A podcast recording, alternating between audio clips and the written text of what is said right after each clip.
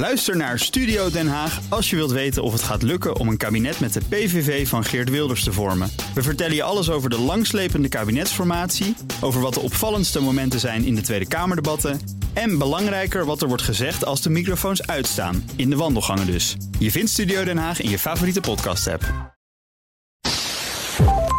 And I want you all to know that we are fighting the fake news. It's fake, phony, fake. It's actually an incorrect statement. Um, yeah, we would call it fake We news. choose science over fiction. Uitspraken en beweringen eh, vliegen je om de oren in de media, maar niet altijd alles klopt. Of het verdient in ieder geval wat broodnodige nuance. En op dinsdagochtend om 7 voor 9 ben ik te horen bij de ochtendspits van Bas van Werven. Daar hebben we dan een fact-check rubriek. En in deze podcast gaan we in 20 minuten wat verder in op de materie. En uiteindelijk hebben we dan ook een oordeel. En dat doe ik samen met Anne Klapwijk. Goedemorgen. Daar zitten we weer, kwart voor acht morgens. Ehm, deze keer, wat hebben we? Ja, wat hebben we? We hebben gekeken naar het artikel dat in Wired stond. Het stond ook op de Nederlandse nu.nl. Oh ja? En dat zei jij. Oh, dat heb ik helemaal niet gezien. Oh, ja, Ik nou, dacht dat jij dat zei. nou, dat weet ik niet of dat zo is dan. Het stond in ieder geval in Wired. Dus dat, waar, dat is waar ik het artikel heb gelezen. Eh, wat er in het artikel van Wired stond is dat bliksem slaat twee keer vaker in op scheepsvaartroutes eh, dan buiten de scheepsvaartroutes. En de redenatie in dat artikel is dat omdat schepen heel veel brandstof eh, verbranden. En dan vooral de hele slechte brandstof, die eigenlijk een beetje de bottom of the barrel-achtige olie, dus echt zeg maar de troepolie, dat daar heel veel zilver bij vrijkomt. Ja, zwavel. Eh, ja, zwavel. Eh, en dat dat ervoor zorgt, en dan mag jij zo meteen uitleggen hoe bliksem dan precies werkt, maar dat dat ervoor zorgt dat er eigenlijk op die routes, dat er dus meer lading in de lucht zit en dat daar dus vaker bliksem inslaat. En dan twee keer zo vaak als eh, buiten de scheepsroutes. Ja, ik las hem eigenlijk oorspronkelijk op Atlas Obscura. Zag ik de headline ergens in zo'n zijbalk eh, staan. Sidebalk, zijbalk. En eh, toen dacht ik even, ja, dit is natuurlijk weer zo'n klimaatgedoe. Eh want die leest natuurlijk wel vaker dit soort van dingen de laatste tijd. Maar na het Wired-artikel Forbes had het een jaar geleden. En Wired nu recent, twee weken geleden. Ehm, dus de stelling is twee keer zoveel bliksem boven scheepvaartroutes. Nou, het leek mij heel erg, nou, zoals gezegd, klimaathysterie-achtig. Maar ehm, Ja, wat wel grappig is in dat artikel wat, ze, eh, wat er wordt geschreven, is dat er een, toen nog studenten eigenlijk per ongeluk erachter kwam. Doordat ze met cijfers, eh, het is een onderzoek volgens mij van, met, met NASA eh, geweest en de Universiteit van Washington. Waar ze hebben gekeken naar kunnen we nou een patroon of überhaupt gewoon research doen naar hoeveel bliksem er voorkomt. Ehm, en dat ze daar dus wel echt een patroon zeg maar uit de kaart zagen komen. En die hebben, Ja. ze, die hebben ze eigenlijk gematcht daarna met de emissie die vrijkomt. En toen zagen ze van, hé, hey, dit komt wel echt heel erg overeen. Ja, ja, precies. Eh, en sterker nog, je komt er haast niet omheen. Maar zullen we eerst even kijken. Want je moet dan even begrijpen hoe werkt bliksem. En dat hebben we waarschijnlijk allemaal ooit al een keer uitgelegd gekregen. Maar toen ik het artikel las, dacht ik, oh ja, inderdaad, hoe zat het ook alweer? En eh, dus hier volgt dan de uitleg. Dus moeten we even doorbijten. Er zijn microscopisch kleine waterdeeltjes in de lucht. En die hangen of die binden zich aan drijfgas. Dus in dit geval bijvoorbeeld zwaveldioxide of SO2. Ehm, en die deeltjes, die, die zwaveldioxide deeltjes zijn groter dan 50 nanometer. Dus het is echt een soort stof. Ehm, en als je weinig zwaveldioxide in de lucht hebt, krijg je zeg maar, die deeltjes binden zich eraan. Door de warmte stijgen ze op. En dan krijg je gewoon regen. Het zijn gewoon regenwolkjes op wat lagere, lagere hoogte. Maar met veel zwaveldioxide krijgt elk deeltje. eh, elk zwaveldioxide deeltje minder waterdruppeltjes. En die zweeft dan dus wat verder omhoog, omdat die lichter blijft. En dan bevriest die. En dan heb je daar hele kleine ijsdruppeltjes hangen in een, in een lief klein ijsdruppelwolkje. Die trouwens waarschijnlijk helemaal niet zo klein is. En die, eh, die slaan tegen elkaar. En die creëren, op die manier statische elektriciteit. En dan gaan de positief geladen deeltjes gaan naar boven de wolk. En de negatief geladen deeltjes gaan naar beneden de wolk. En dan krijg je dus ehm, eh, uiteindelijk een ontlading. En dat is bliksem. En dat is dus dit verhaal. Wat dat betreft eh, ga je ook eigenlijk redelijk snel richting inderdaad dat onderzoek. Ja, ze hebben er nog allemaal moeilijke woorden voor. Hè. Zie ik in mijn aantekening. Het heet aerosol convective invigoration. Ik heb door Google Translate heen gegooid en dan wordt het aerosol convectieve stimulering. Zegt me ook niks trouwens. Maar ehm, in ieder geval meer, eh, kortom, meer roetdeeltjes of zwaveldeeltjes is meer bliksem. Dat wisten we al. En dat onderzochten ze al om te kijken hoe dat dan boven steden eventueel het klimaat eh, zou kunnen beïnvloeden. Ook wat regen betreft. Maar ja, dan kom je inderdaad uit bij wat jij zei over die, eh, over die brandstof. Bunkerfuel. Bunkerfuel, ja, inderdaad. En dat is dus heel stroperig. Het enige wat nog stroperiger is dan bunkerfuel is asfalt. Dus dat geeft wel inderdaad eh, een idee van hoe enorm stro- stroperig dit is. En eh, als je dat verbrandt, en dat doen ze dus in dieselmotoren, of nee, het zijn dus geen dieselmotoren, in deze vrachtschip, vrachtschipmotoren, dan stoten ze 3500 keer meer zwavel uit dan diesel. Dus het is wel Ja, dan zou je... significant. Ja, maar dat is, dat is enorm veel. Je zou bijna verwachten dat er dan meer bliksem zou moeten zitten als dat klopt. Een soort van. eh, je had vroeger op school, ik weet niet, had u dat op school? Had je van die, die draaiende platen? Hoe heet die machine ook weer? Het heeft een naam. Het zijn van die draaiende platen, die gaan langs elkaar met van die anders geladen En dan heb je van die bollen. Dit is niet uit te leggen. en dan tussen die twee bollen krijg je dan een soort van bliksemschichtje. De machine van. Is dat niet gewoon zo'n bol waar je je hand op legt? Dat kan je er ook mee doen. Waar je zo'n zo'n klein bolletje in het midden hebt en dan wordt alles naar je vinger geleid, zeg maar? Nee, ja, maar die zit in stopcontact. Maar dit ding is dus met een hendeltje draai je hem rond. Dus hij wekt echt stroom op door zeg maar kinetische beweging. Oké, misschien is dit iets voor mijn tijd. Als je het hebt Nee, over ja, het is zeker bollen, voor jouw dan, eh, tijd. Het is namelijk super oud. Even kijken of ik dit snel open krijg. Eh, Zijn er eigenlijk andere ehm, voertuigen die ook op dat soort fuel varen? Of zijn dat echt alleen de schepen die dat soort. eh, ja, het is aan de ene kant natuurlijk goed dat dat. dat dat soort restproducten ook wel gebruikt worden. Maar het klinkt alsof die super inefficiënt zijn. Eh, zeker eh, efficiënt. En volgens mij vooral cruiseschepen. Ik kan het even niet vinden. De elektriceermachine of zo. Het heeft, een andere naam. Eh, eh, ja, cruiseschepen verbranden dit dus ook. En dat is natuurlijk wel een beetje ook in het gedoe over klimaat... en dat, dat de consument zich aan moet passen. Zij verbranden dit dus in, die bo- in die schepen. En het is helemaal niet eh, heel erg lekker voor het eh, milieu. Terwijl wij natuurlijk Nee. allemaal nog veel vriendelijker moeten gaan rijden, et cetera. Maar goed, dat is een hele andere discussie. Ehm, dus ja, je stoot 3500 keer meer zwavel uit dan diesel. Ja, dus dan kan je voorstellen dat als je naar het waterdruppeltjes moet, zich moeten gaan binden aan zwaveldeeltjes, dat dit wel een goede plek eh, ervoor is, zo boven de, boven de uitlaat, zullen we Ja. maar zeggen. En dat is inderdaad wat dat onderzoek eh, zei. Hè. Ze hebben dus inderdaad. ehm, dus het Wired-artikel en een aantal andere artikels zijn gebaseerd op dit onderzoek. En het onderzoek heeft de data gepakt van. eh, even kijken, 11 jaar bliksem. Dat kunnen ze blijkbaar uit satellietdata halen. Wanneer er bliksem, eh, bliksemschichten zijn, hoe zeg je dat? Bliksemontladingen. Bliksemontladingen, ja. Dus ze hebben de, de, de 15 miljard bliksems geanalyseerd. En, Oké.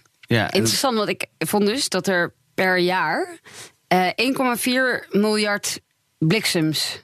Bliks, is het meervoud van bliksem, bliksems of meer- wat is het meervoud van bliksems? Maar er zijn dus in ieder geval 1,4 miljard. En dat, dat vond ik op een, eh, op een website van de overheid van Engeland. Maar, en dat is dus 44 per seconde. Wow, ja. Ja, dat klinkt als heel veel. ja. Maar je ziet ze misschien niet allemaal, bedacht ik. me. Want ze kunnen natuurlijk ook best wel hoog zitten of boven de oceaan. ja, dan kom je weer nog vragen. En dat is een ontlading altijd naar de aarde toe? Of kan het ook... Nou, wat ik ook nog heb gevonden. eh, en dit vond ik wel interessant. Hoe breed denk je dat een bliksemschicht is? Oh. Ik, nou, ik heb eigenlijk geen idee. Eh 100 meter. Nee, het is 2, 3 centimeter. Oh, joh. Ja, en de gemiddelde lengte is 2, tot 3 mijl. Dus eh, dat zeg maar 5, 6, 5, Ja, vijf kilometer. 5 kilometer. Ehm, en de temperatuur die, die is gemiddeld eh 30.000 graden Celsius. En dat is, Warm. ja, dat is vijf keer warmer dan de zon. Oh. Oh ja? Ja. Oh. Maar goed, om even terug te gaan. Ja. Ehm, het is, klopt het? Nou ja, dat onderzoek is wel goed gedaan. En het is, eh, eh, daar kon ik, ik kon daar in ieder geval, en volgens mij de rest van internet ook niet echt iets tegen inbrengen. En het is als je dat kaartje ziet, dus ze hebben dan inderdaad gewoon een foto bovenaf genomen van de, het is natuurlijk weer de Chinese Zee en de Indische Oceaan. En dan zie je dus die, die, die, die kanalen, zeg maar, die paden waar die schepen varen. Nou goed, ja, het is een beetje moeilijk uit te leggen, maar dan hebben ze met kleurtjes aangegeven waar ze heel veel kleine deeltjes zien zweven. Dus eh, PM 2.5. Wat we al vaker voorbij hebben horen komen in deze podcast. Particulate Matter 2.5. En ehm, ja, je ziet gewoon heel duidelijk het pad van de containerschepen. Daar kan je niks anders Ja. van maken. Want de rest van de zee is gewoon niet gekleurd. En je ziet dan echt zo'n rode lijn eh, van de ene haven naar de andere haven lopen, min of meer. En klopt het dan dat het ook precies twee keer zoveel is? Of is het eigenlijk 1,6 keer zoveel en dan zeg maar naar boven afgerond? Dat is een goede vraag. Oei, ja, dat willen we nou eigenlijk wel weten. Hè? Maar ik weet niet hoe het Want ik dacht, oh ja, nou dat is wel interessant dat dat dan precies op twee uitkomt. Ja, het zal niet twee. Het zal niet precies twee zijn, inderdaad. Moet ik het even opzoeken? Ehm, hoe, heet de bliks, hoe heet dat bliksemding ook weer? Dus ik heb het hier dat nu de grafiekje voor me. Op jouw vraag dus is het precies twee keer. Dat is moeilijk te zeggen, omdat ze geven dan...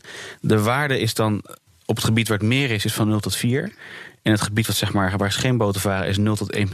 En dan lopen er streepjes doorheen. Maar ik kan niet precies zien waar die streepjes exact zitten. Maar eh, als ik op hetzelfde tijdpunt kijk... dan is het, laten we zeggen, normaal gesproken 1,2. Vraag me heel even niet wat de waarde is die ik nu voorlees. En is die andere iets, gaat heel erg richting de 3. Dus dat is dan iets meer, het ziet eruit als iets meer dan 2 zelfs. Het lijkt me een hele lastige minder. vergelijking om over alle routes te bepalen of er dan ook echt twee keer. Nou, je kan natuurlijk wel. Ja, wa- wat is dan het gebied waar je eh, wat je meerekent om die twee keer te berekenen? Dus hoe breed eh, kijk je naar de vaarroute? Om te zeggen, hier is echt twee keer zoveel. Nou, ze pakken echt die hele streep die je ziet, zeg maar van haven tot haven, of van landpunt tot landpunt, waar die boten. En dan pakken ze, ja, eh, een halve vinger daarboven op de kaart. Pakken ze diezelfde strook nog een keer, waar je heel duidelijk minder Ja, oké. eh, particulate matter ziet. En ze pakken hem ook nog een keer lager op de kaart, waar je nog veel, min- nog veel minder particulate matter ziet. Eh, en dat hebben ze dan gedaan voor de Indische Oceaan en de Zuid-Chinese Zee. En je ziet op beide plekken, zie je inderdaad. eh, ja, dat het inderdaad twee keer is. Want hier is die bijna iets minder dan één. En hier zit je boven de... Ja, dus dat echt het artikel van ehm, de University of Washington. Ja, dit is echt een paper. Dus dat lijkt inderdaad echt zo te zijn. Is dat raar? Is het, eh, jij kijkt mij een beetje gek aan. Ik vond het verbazingwekkend hoe goed je het ziet op het kaartje. Beide dingen. Ja, Dat je en die particulate matter zo goed ziet en die bliksemschichten. Ja, ik heb die, die, die tabellen die je nu net laat zien, die heb ik niet gezien. Maar dat kaartje wel. Eh, en het is inderdaad, je ziet, de, ja, je ziet gewoon duidelijk een lijn lopen van eh, waar die scheepsroutes eh, zijn. Zeker als je dat kaartje met die scheepsroutes Ja, eronder hier, zet. deze. Ja, je, je hebt niks aan dat ik zeg hier. De andere mensen, de, de, de luisteraars. Het is echt... nou, je moet even kijken Wired of op... of je moet gewoon zoeken... Why lightning strikes twice as much on shipping lanes. Dan zien het. Het is echt... ja, kan je niet omheen. Zijn, er, zijn er ook nog schepen die dan op die routes... hebben die dan meer gevaar? Zijn die geraakt? Of worden die ook hoger gemiddeld geraakt? Ook alweer zo'n goede vraag. Weet ik ook niet. Het staat niet in het paper. Weet ik niet. Ja, je zou verwachten Ja. van wel dan. Nou ja, aan de andere kant, die kringen vormen zich later. Ik weet niet. Maar daar ben ik wel benieuwd naar. Of je dus inderdaad in steden... Dat is misschien wel leuk voor een, voor een andere podcast. Of je in steden dan meer bliksem ziet dan bijvoorbeeld op platteland of zo. Zeker als je kijkt naar Ja. de US, waar je natuurlijk hele grote stukken platteland hebt... versus hele vervuilde steden. Of je daar dan meer bliksemslagen ziet dan... eh, Ja, ik herinner me het echt alleen van zeilkamp vroeger. Dat, eh, en, en gewoon überhaupt op het water zijn met zeilen. Maar Ja, op met zeilkamp. eh, nee, ja, met, eh, met je masje inderdaad. Op het moment dat het dan ging omweren met je cursisjes, dan was het wel echt meteen naar een eiland toe om te schuilen. Omdat. als je een uh, askeladde of een valkje hebt, dan ben je natuurlijk op het water wel het, het hoogste punt met de metalen Ja. mast. ja, Dus dan was het altijd wel snel naar de kant. Ik ben altijd wel benieuwd in hoeverre dat van het hoogste punt, of dat nou, hoeveel dat uitmaakt statistisch gezien. Want ik ken toevallig iemand die een paar straten achter mij woont, ik woon op het platteland. Die had een blikseminslag en huis in de brand gevlogen, 20 minuten later is afgebrand. Echt eh, zeer heftig, midden in de nacht. Het ligt gewoon naast een boom. En het is helemaal niet het hoogste punt. Dus wat dat dan eh, de reden voor is geweest. Ja. Eh, ja. Misschien heeft het te maken. Dat weet, ik vond trouwens wel iets. Er stond iets over bomen. Die moet ik heel even terugzoeken. Ik, eh, ik heb een aantal, aantal feitjes nog eh, eh, gevonden. Ja. Ehm, en één daarvan, daar stond ook bij, maar die had ik niet in eerste opgeschreven. eh, dat bliksem kan bomen ehm, verwoesten.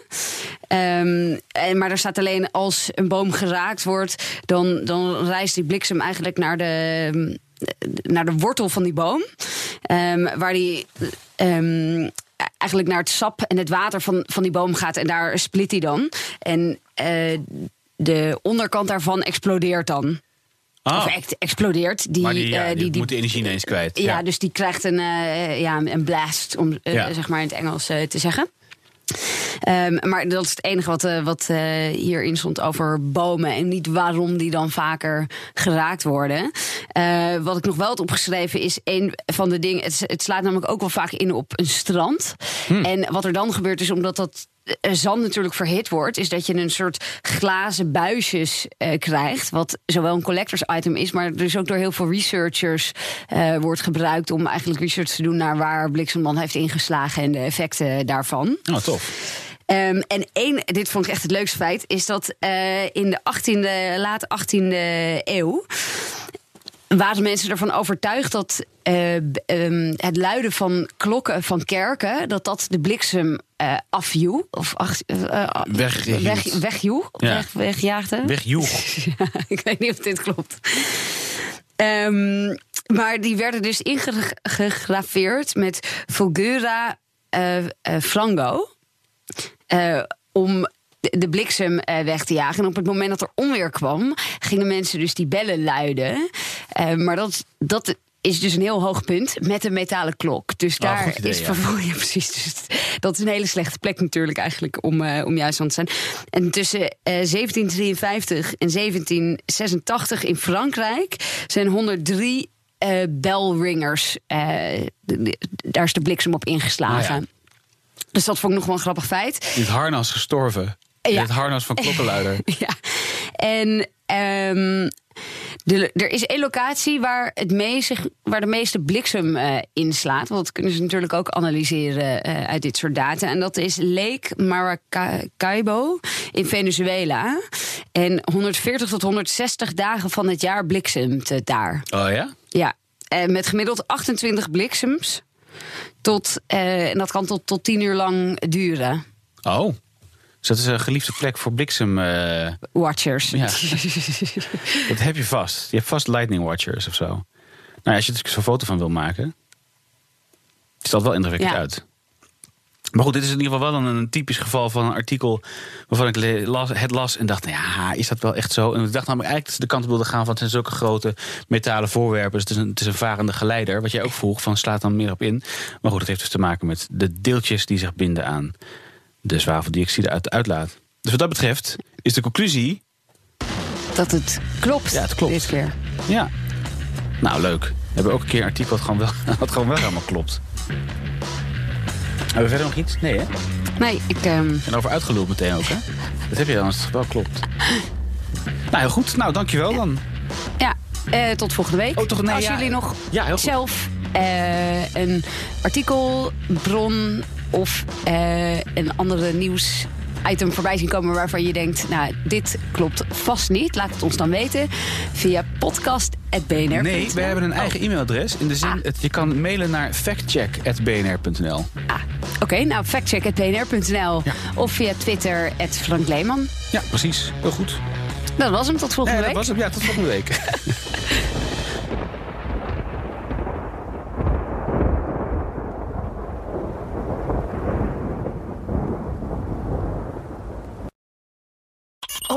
Ook Liesbeth Staats vind je in de BNR-app. Ja, heel handig. Luister live naar Kees en mij tijdens de Daily Move. Dan blijf je ook gelijk op de hoogte van breaking news en het laatste zakelijke nieuws. En daar vind je ook alle BNR-podcasts, waaronder de Perestrooikast. Download nu de gratis BNR-app en blijf scherp.